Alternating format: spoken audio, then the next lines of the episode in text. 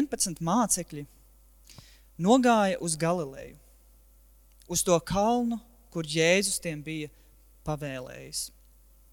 Un kad tie viņu redzēja, tie nokrita viņa priekšā ceļos, bet citi šaubījās. Un Jēzus piegāja pie tiem un uzrunāja tos sacīdams: Man ir dota visa vara debesīs un virs zemes. Tāpēc ejiet un dariet par mācekļiem visas tautas. Tās kristīdami tēva, dēla un svētā gara vārdā. Tās mācīdami turēt visu, ko es jums esmu pavēlējis. Un redzi, es esmu pie jums ikdienas, līdz pasaules galam. Nāksim pie Dieva lūkšanā.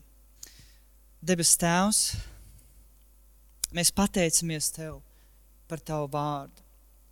Un es lūdzu, ka Tu palīdzi mums saskatīt brīnišķīgas lietas Tavā vārdā.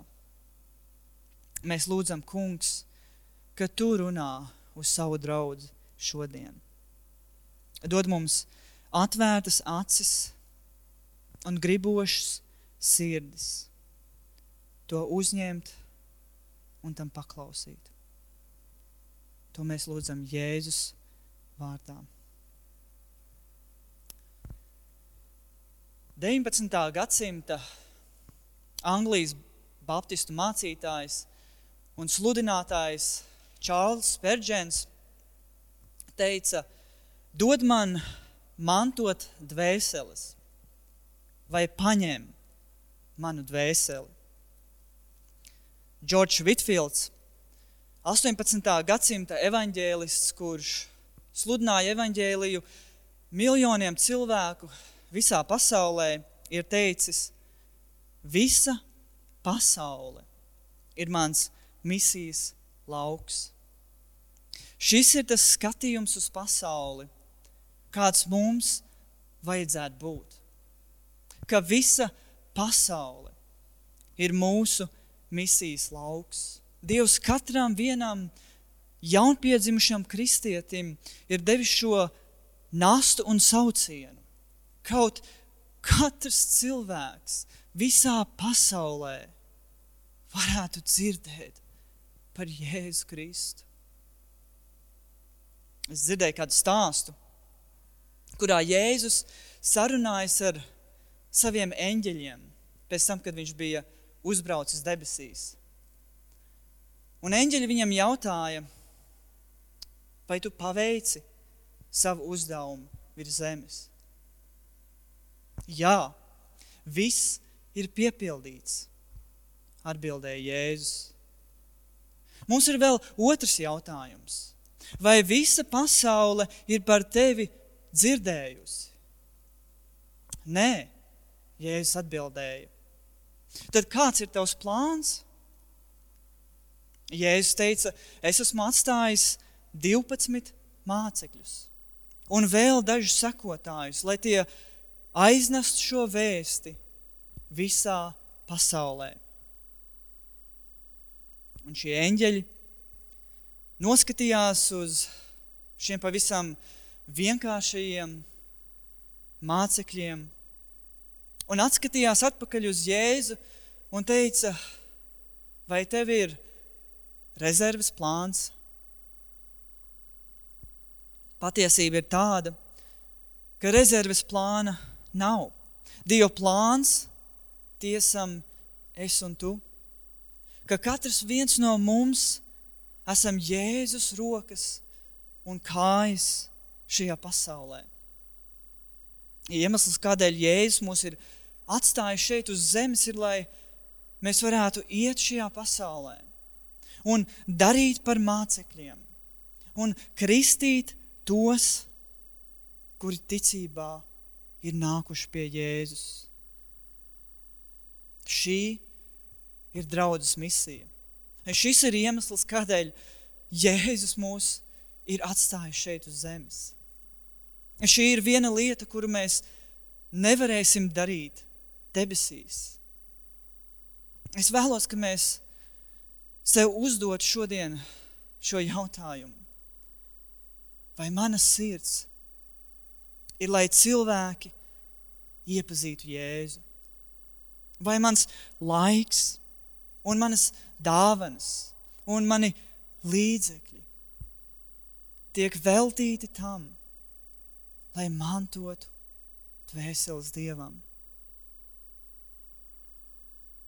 Jēzus saka saviem mācekļiem: Ejiet un dariet par mācekļiem visas tautas. Es vēlos, ka mēs kopā šodien varētu apskatīt piecas lietas šajā raksturvietā. Un es vēlot jums, vēlos jums iedot piecas punktus, pie kuriem pieturēties, lai jums būtu vieglāk sekot līdzi mūsu studijai šodien. Pirmkārt, 16. pantā es vēlos, ka mēs saskatītu mācekļu pieejamību. Tad 17. pantā mācekļu pielūgsmi, 18. pantā mācekļu pakļaušanos, pēc tam 19. pantā mācekļu paklausību un visbeidzot 20. pantā mācekļu privilēģiju pieejamību, pielūgsmi, pakļaušanos, paklausību un privilēģiju. Sāksim 16. pantā ar mācekļu pieejamību. Bet viņa 11 mācekļi nogāja uz Galileju, uz to kalnu, kur Jēzus tiem bija pavēlējis. Kāds ir teicis, ka vislabākā spēja ir spēja būt pieejamam. Visas pārējās spējas ir veltīgas, ja tu neesi pieejams. Un mēs redzam to šajos mācekļos. Viņi bija ieradušies uz šo kalnu, kur Jēzus viņiem bija teicis atnākt. Viņu sirdis ilgojās redzēt savu augšām celšos kungu. Jēzus šajā dienā bija paredzējis dot mācekļiem kādu ļoti lielu un svarīgu uzdevumu. Un garantēt, ka viņš pats būs klāt šī uzdevuma izpildē ar savu spēku un svēto garu. Taču viņiem bija jāierodas uz šo kalnu, kur Jēzus viņus bija aicinājis. Ja viņi nebūtu pieejami, viņi to palaistu garām. Tikai tie, kuri ieradās, bija tie, kuri saņēma šo uzdevumu un apsolījumu. Mums nav pateikts, kas šis bija par kalnu. Iespējams, tas bija kalns, kurā Jēzus tika apskaidrots, vai arī kalns, kurā Jēzus sludināja savu kalnu sprediķi, vai kalns, kurā Jēzus pabaroja 5000. Mēs nezinām. Taču savā ziņā šis kalns kļūst par svētu kalnu, jo šeit ir sapulcējušies Jēzus mācekļi. Ar visām savām nepilnībām, ar visām savām bailēm, ar apjukumu un jautājumiem. Viņi nav šīs pasaules varanie, viņi nav šīs pasaules gudrie taču viņi ir pieejami. Un viņi ir ieradušies. Jēzus viņiem teica, esiet tur, un viņi tur bija. Gatavi kalpot. Pravietis Iesai pēc tam, kad viņš bija redzējis to kungu sēžam uz augsta cēla troņa, sakām, ko lai es sūtu? Un kurš būs mans vēstnesis? Iesai atbildēja un teica, redzi, šeit es esmu. Sūti mani. Viņš saka, es esmu cilvēks ar nešķīstām lūpām, bet es esmu pieejams. Sūti mani. Es iešu. Tas ir tieši tas, ko Dievs vēlas. Vai tu esi pieejams? Vai tavs laiks, tavas dāvanas, tavas finanses, vai tās ir pieejamas tam kungam lietošanā, kā viņš to vēlas. Lai piepildītu to mērķi, uz kuru viņš tevi aicina. Šī ir mācekļu pieejamība. Tādēļ, ka viņi bija ieradus, ieradušies šajā kalnā, viņi saņēma uzdevumu no Kristus. Tādēļ, ka viņi bija tur, viņi saņēma Kristus apsolījumu par viņa spēku un klātbūtni. Ja mēs vēlamies piepildīt Kristus misiju, mums ir jāsāk ar to, ka mēs esam pieejami. Mums ir jānāk pie Kristus viņa vārdā. Mums ir jānāk pie viņa lūgšanās. Mums ir jānāk pie viņa draudzē, kopā ar brāļiem un māsām.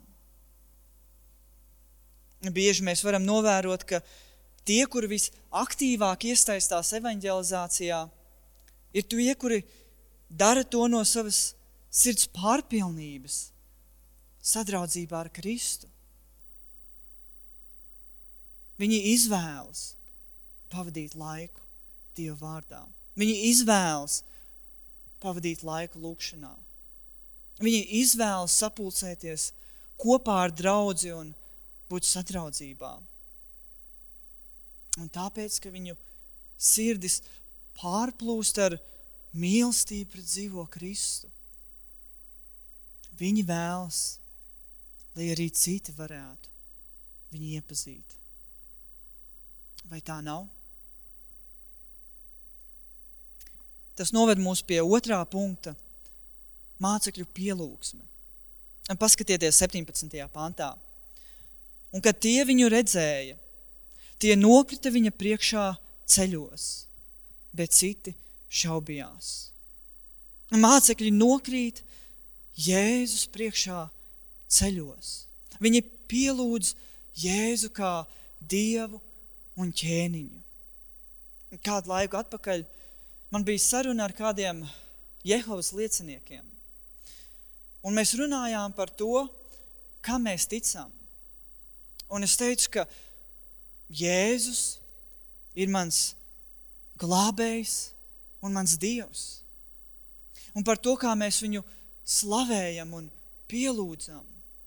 Un tūlīt viņi man pārtrauca un teica, pagaidi, Vai tu teici, ka jūs pielūdzat Jēzu? Es teicu, jā, protams. Mēs pielūdzam Jēzu tāpat kā mēs pielūdzam Tēvu un Svēto garu. Viņa teica, nē, tas mums nav pieņemams. Mēs Jēzu nepielūdzam. Mēs neticam, ka Jēzus ir Dievs. Taču šeit Šajā raksturvietā mēs redzam mācekļus nokritušus, Jēzus priekšā uz ceļiem. Toms Jēzum teica, mans kungs un mans dievs. Jāņa 9. nodaļā, kad Jēzus bija dziedinājis šo aklo vīru, mēs lasām, ka viņš saka, es ticu kungs, un viņš to pielūdza. Mateja otrajā nodaļā šie gudrie vīri, kas bija nākuši no austrumiem pie Jēzus un Marijas, mēs lasām, ka tie nometās ceļos un viņu pielūdza. Kad tie viņu redzēja, tie nokrita viņa priekšā ceļos. Bet citi šaubījās. Un šajā brīdī mēs varētu teikt, Matei, Ko tu dari? Kādēļ tu raksti, ka eh, citi šaubījās? Ja tu vēlies panākt, lai visi ticētu, ka Jēzus patiešām ir augšām cēlies, tev nevajadzētu rakstīt, ka kādiem bija šaubas par to. Taču tas tik brīnišķīgi mums parāda, cik atklāti un godīgi ir svēto rakstu autori. Viņi necenšas izlikties vai parādīt kaut ko labākā gaismā. Viņi mērtiecīgi neizlaiž kādus faktus, lai tas izklausītos labāk vai ticamāk. Ja Bībelē būtu sarakstījuši tikai cilvēki, viņi nerakstītu par to, ka kādi šaubījās. Šis ir vēl viens atgādinājums mums par to, cik patiesa un uzticams ir Dieva vārds. Taču kas šīs bija par šaubām? Teologi uzskata šeit, dalās daži uzskata, ka tās bija šaubas, vai Kristus tiešām ir augšām cēlies. Taču mēs lasījām, ka viņi nokrita pie viņa kājām, lai viņu pielūgtu. Iespējams, ka kādi šaubījās, ka tas patiešām ir Jēzus.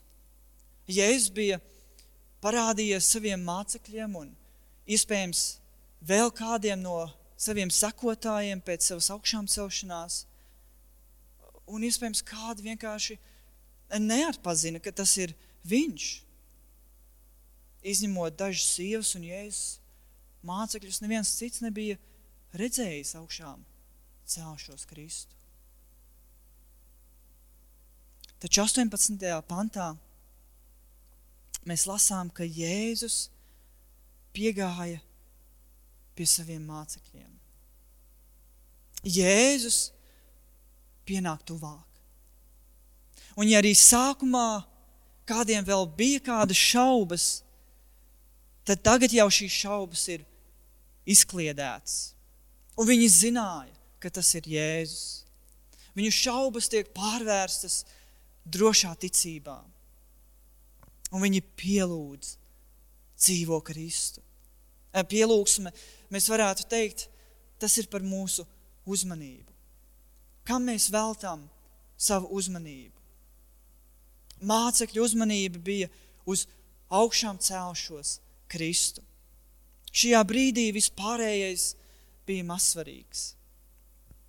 Viņiem nebija svarīgi vairs ārēji apstākļi. Par to, kādā mājā viņi dzīvoja, vai par to, kā viņi izskatījās. Viņi bija satikuši dzīvo Kristu. Un vēlāk mēs lasām, ka šie paši mācekļi aiznes evaņģēliju visā pasaulē. No šīs nelielās mācekļu grupiņas evaņģēlijs ir izplatījies, un arī mēs varam teikt, ka esam tā mantinieki. Evaņģēlijs neizplatījās pa visu pasauli, tāpēc, ka mācekļiem bija dalīts sirds, bet gan tāpēc, ka šie bija mācekļi, kuri vispirms bija pieejami. Un viņi pielūdza Kristu ar savu nedalīto sirdi un uzticību pasludināt evaņģēliju. Kaut arī viņiem tas maksāja viņu dzīvības. Vai mēs esam pieejami?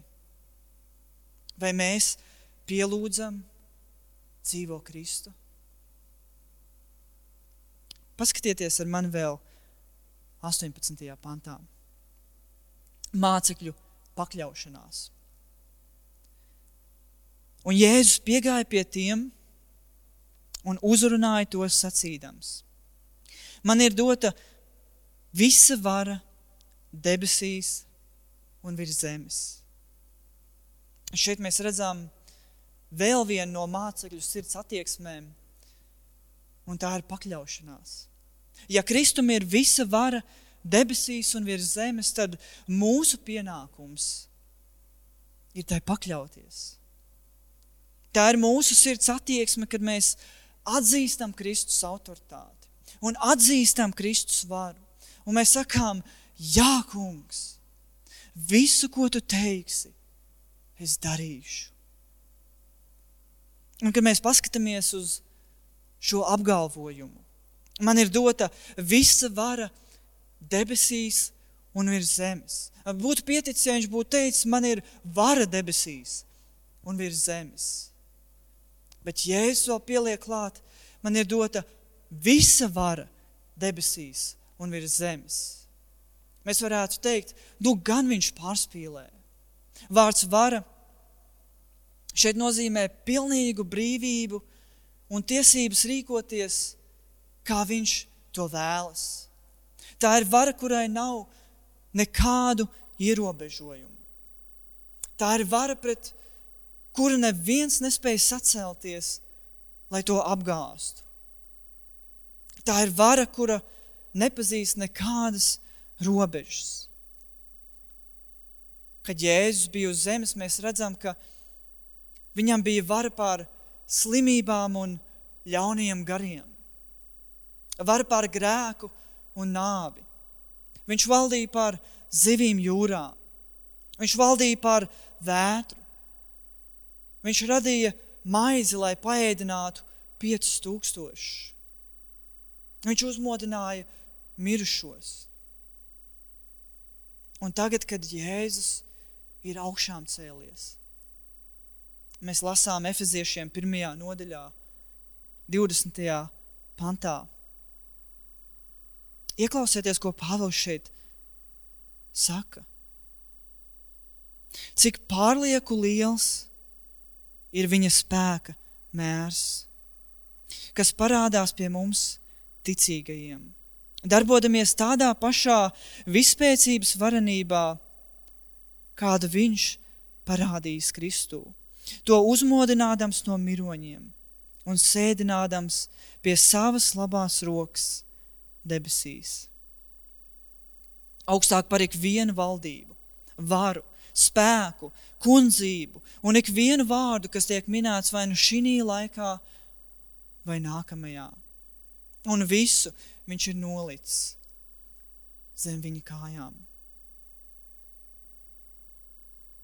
Kādēļ viņš mācekļiem šo atgādina?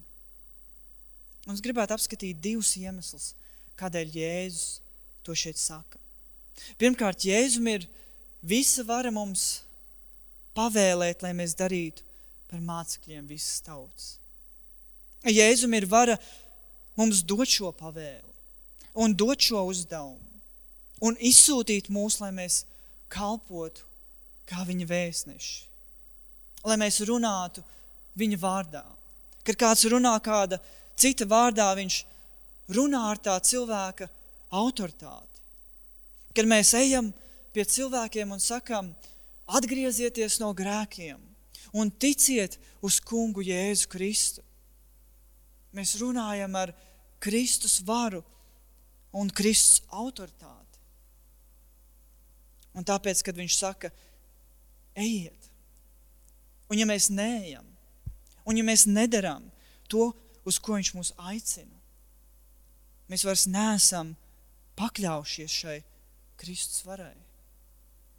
Taču otrkārt, Jēzus to saka arī, lai mūs iedrošinātu lai mūs iedrošinātu. Lai arī mums šis uzdevums šķistu bezcerīgs un neiespējams. Kas par uzdevumu? Visai pasaulē ir jādzird vēsts par Kristu.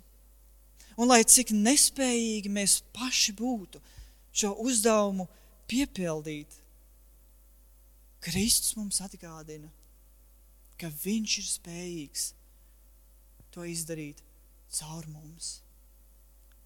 Viņš dod savu garantiju šajā lielajā uzdevumā. Viņš ir lielāks par jebkuru pretestību, kas var stāties mūsu ceļā. Viņš ir lielāks par jebkurām vajāšanām. Viņš lieto savu varu, lai atvērtu durvis, kuras neviens nespēja aizvērt kad mēs lasām apstuļu darbus. Mēs redzam, kā Kristus lietoja savu varu agrīnijā draudzē, lai evaņģēlijas varētu izplatīties. Mēs lasām, ka tas kungs ikdienas pievienoja draudzēji tos, kuri tika izglābti. Viņam ir visa vara izglābt grēciniekus. Dievs izglāba Pāvilu kurš bija ļoti iededzies, lai vajātu Kristus draugu. Un vienā mirklī Kristus pārvērta viņa sirdi, lai viņš sauktu kungs. Kungs, kas tu esi? Ko tu vēlies, lai es daru? Kristum ir vara atvērt sirdis.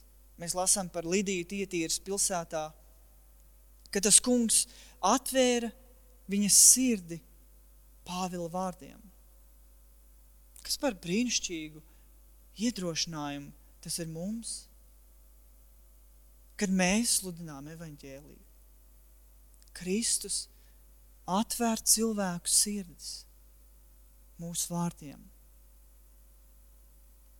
Apstuļu darbu 16. nodaļā, kad Pāvils un Sīla bija iemesti cietumā. Dievs sūtīja lielu zemestrīci tā, ka pat cietuma pamats sakustējās. Un cietuma durvis atvērās un viņam nokrita važas. Vai Stefans, kurš stāvēja Sinedrija priekšā, un viņam sludinot, viņš tika līdz nāvei nomētāts ar akmeņiem. Kā Dievs to lietoja, lai izklīdinātu ticīgos, lai evaņģēlijas varētu tikt pasludināts visā pasaulē. Šī ir Kristus vara un mācekļu pakļaušanās tai. Mēs pakļaujamies viņa varai, sakot, šeit es esmu. Sūti mani. Es nolieku savu dzīvi pie tavām kājām. Tev, kungs, ir tiesības pavēlēt manu dzīvi. Tu esi mans kungs, un es esmu tavs kalps. Tev ir tiesības man pavēlēt doties, kur vien tu vēlies. Darīt, ko tu vien man liksi. Mēs šodien varam teikt, ka mūsu dzīve ir pakļauta Kristus varai. Vai mēs esam pienesuši savu dzīvi Kristum kā dzīvu upuri? Paskatieties tālāk 19. pāntu.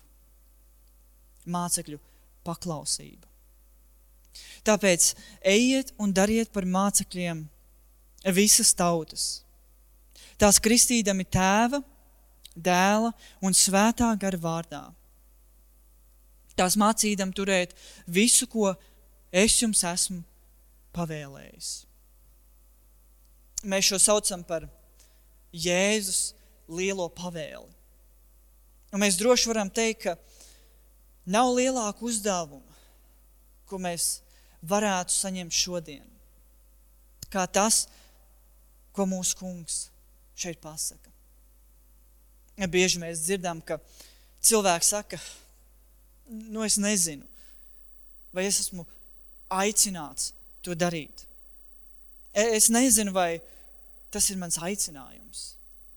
Es neesmu saņēmis zīmi no debesīm.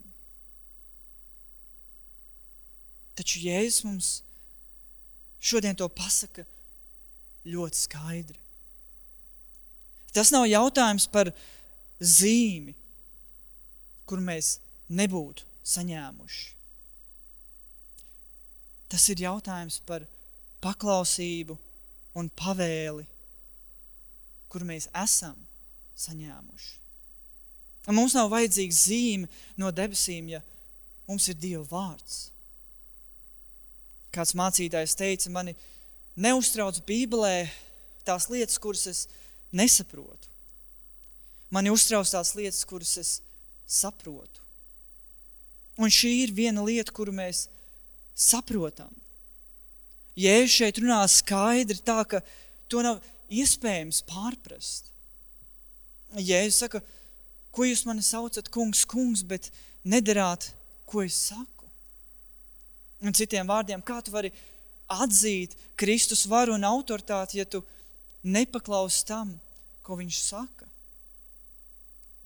Dzīvē nav lielāka prieka, kā pazīt Kristu. Un aiz tā mēs varētu teikt, ka nav nekā labāka, kā ļaut, lai Dievs mūs lieto, lai arī citi varētu viņu iepazīt. Viņš saka 19. pantā. Tāpēc, katru reizi, kad tu redzi Bībelē vārdu tāpēc, vienmēr uzdod jautājumu, kāpēc? Kāpēc tas tāpēc? Tas atsaucas uz to, ko viņš teica iepriekš. Tāpēc, ka man ir dota visa vara. Tāpēc ejiet un dariet par mācekļiem visas tautas. Ja Kristum nebūtu visa vara, mums nebūtu vērts iet. Mēs nemaz negribētu iet. Kur gan mēs varētu iet bez Kristus? Tikai viņam ir vara izmainīt kādu sirdi. Tikai viņam ir vara kādu izglābt. Tāpēc ejiet. Grieķu valodā šis vārds ir vienkāršajā pagātnes formā. Burtiski tāpēc esot izgājuši. Šī nav pavēle iet. Šis ir pieņēmums, ka visi Kristus mācekļi jau ir izgājuši. Tas ir gandrīz kā teikt, ja, ja tu esi Jēzus māceklis, tev pat nav jāsaka, lai tu ietu. Mēs zinām, ka tu jau esi izgājis. Mēs zinām, ka tu jau atrodies misijas laukā. Lai kur arī tu atrastos. Kad tu ej uz darbu, kad tu dodies uz skolu, pilsētā, kurā tu dzīvo. Lai kur arī Dievs būtu priekš mums nolicis mūsu misijas lauku, mēs meklējam iespējas, kā mēs varam vest cilvēkus pie Kristus. Tāpēc izgājuši, dariet par mācekļiem. Grieķu valodā tas ir viens darbības vārds. Mācekļojiet. Un šis vārds jau ir pateikts pavēles formā. Tāpēc izgājuši, mācekļojiet. Padariet cilvēkus par mācekļiem. Māceklis tas ir kāds, kurš ir gatavs mācīties un sekot Kristum. Ne tikai gatavs mācīties, bet arī ticēt un sekot un paklausīt visam, ko Kristus ir teicis. Māceklis ir kāds, kura visa dzīve ir tikusi izmainīta.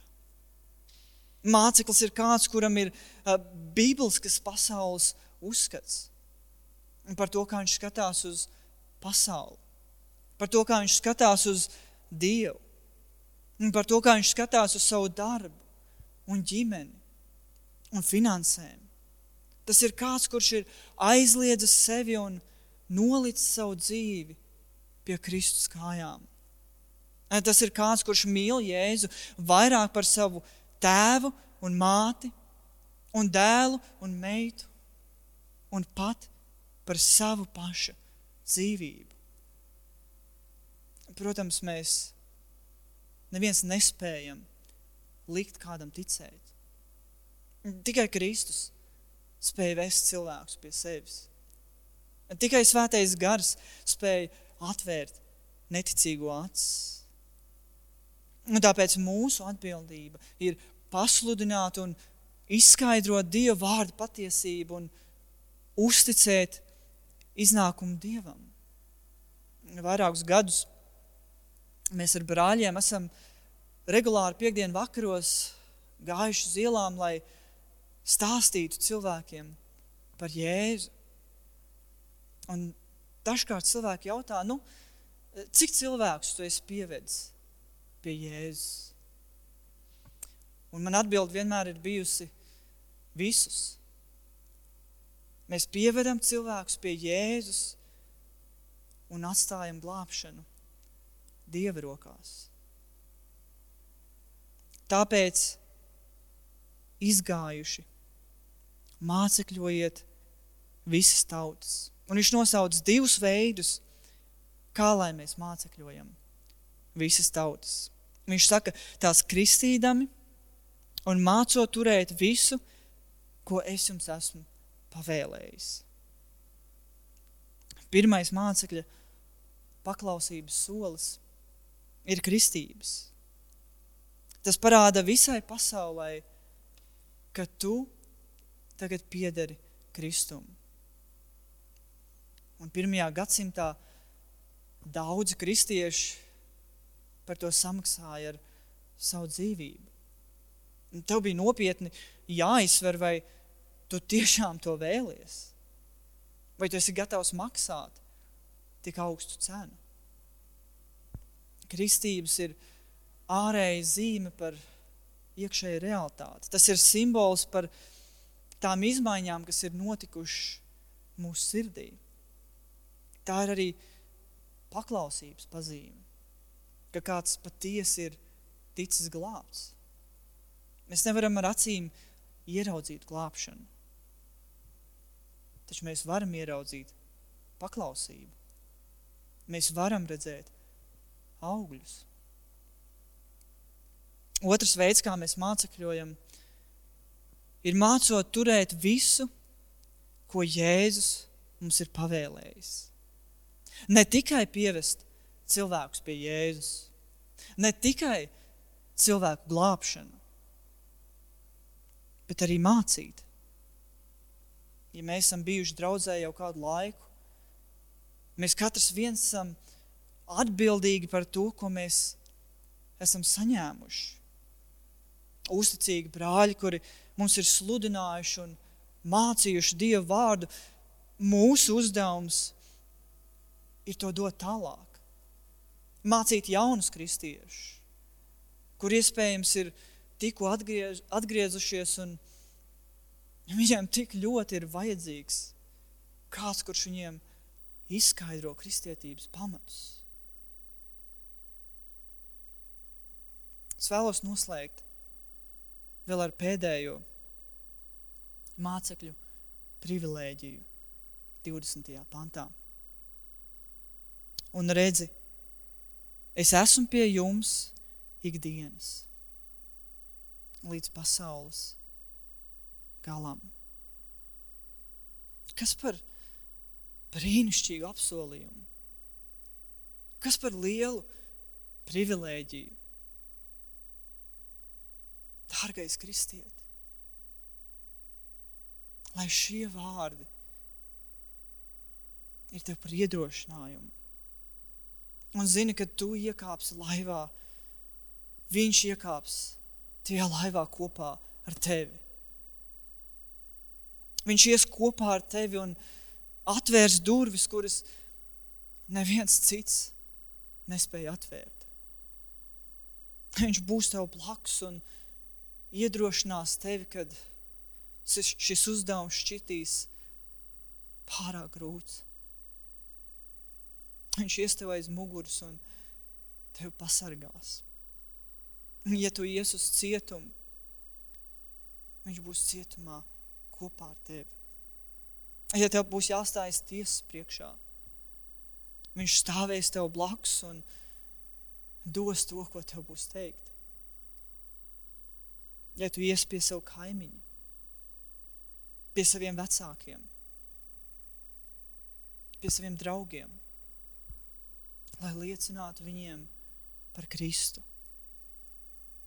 Viņš būs kopā ar tevi un dos tev gudrību, un drosmi un mīlestību.